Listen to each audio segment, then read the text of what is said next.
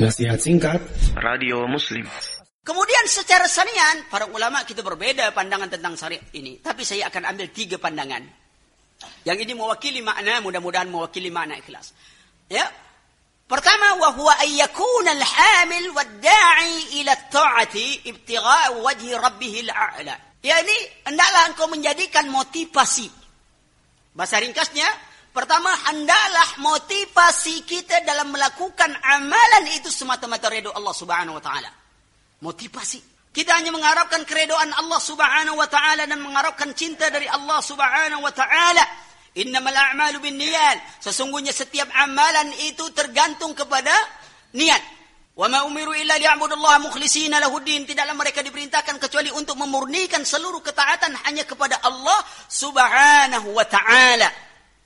Maka itu harapan yang pertama ini, makna yang pertama ini lawannya adalah syirik besar. Makna yang pertama, ini orang beramal hanya mengharapkan keredoan Allah subhanahu wa ta'ala. Ingat, mengharapkan keredoan Allah tentu kita mengharapkan surganya. Dan takut kepada nerakanya. Ada orang bilang lagi, kalau minta surga, minta neraka itu syirik. Lalu dia baca Al-Fatihah, memangnya dia, dia tidak baca ihdinas siratal mustaqim apa? Tunjukilah saya jalan yang lurus. Memangnya dia jalan di neraka atau di surga sekarang? Dia jalan di dunia. Dia minta atau tidak? Dia baca atau tidak? Dia tidak baca tak sah solatnya. Dia keadaan begitu, dia minta. Kecintaan Allah digambarkan dengan surganya. Lalu ada orang mengatakan, ada orang saking cintanya kepada Allah. Dia mengatakan, Ya Allah, aku reda masuk dalam nerakamu asalkan engkau redo. Iya, akhi. Lalu bagaimana kalau ada penjahat juga? Dia penjahat sangat besar. Lalu kita ditanya, kenapa engkau jadi penjahat? Biarlah saya masuk surga, biarpun Allah tidak redo, biar saya mas saya rela masuk surga walaupun Allah murka. Bagaimana? Dibalikkannya dengan orang alim tadi. Rasulullah sendiri meminta surga.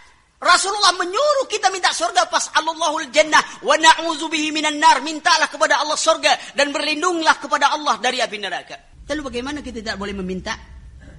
Lalu bagaimana Allah ceritakan kepada kita tentang bidadari? Lalu kita tidak boleh mengharapkan nanti bertemu dengan bidadari. Allah ya akhi, ini motivasi kita. Innal ladzina amanu wa 'amilus salihati kanat lahum jannatul firdausi nuzula. Surga Firdaus. Cuman kita ini kadang-kadang aneh. Mintanya tak tanggung-tanggung. Surga Firdaus. Bayangkan, antum kalau ingin beli rumah hop yang keramiknya betul-betul batu alam asli, dindingnya berlapiskan emas yang asli, bukan emas Jawa ya, emas asli. Gitu. Kemudian batu apa? Lampunya itu permata yang asli. Kira-kira DP-nya berapa? Miliarannya, Aki. Bulanannya juga ratusan juta. Sekarang kita minta surga. Antum sudah bayar DP apa belum? Ya, Aki. Kita minta surga. Tapi begitu masuk dalam majelis taklim, apa yang keluar? Prinsip ekonomi. Apa prinsip ekonomi? Mengeluarkan uang sekecil-kecilnya untuk dapat surga Firdaus sebesar-besarnya. Allahu Akbar. Sehingga kota infak itu begitu dibuka silau mata panitia. Kenapa? Uang recehan 500 rupiah. Wallahu Akbar. Kapan berkembang? Begitu ditingkatkan, saudara-saudara sekalian, tolong tingkatkan apa? Uh, infaknya. Kota infak satu lagi betul meningkat. Tapi begitu dibuka, lari panitianya. Kenapa? Parang yang seribu rupiah itu yang masuk di dalam Allah. Dari 500 meningkat jadi seribu. Tapi kan bawa parang semua itu ke dalam Allah. Apa tak malu kita kepada Allah subhanahu wa ta'ala? Kita minta surga Allah subhanahu wa ta'ala.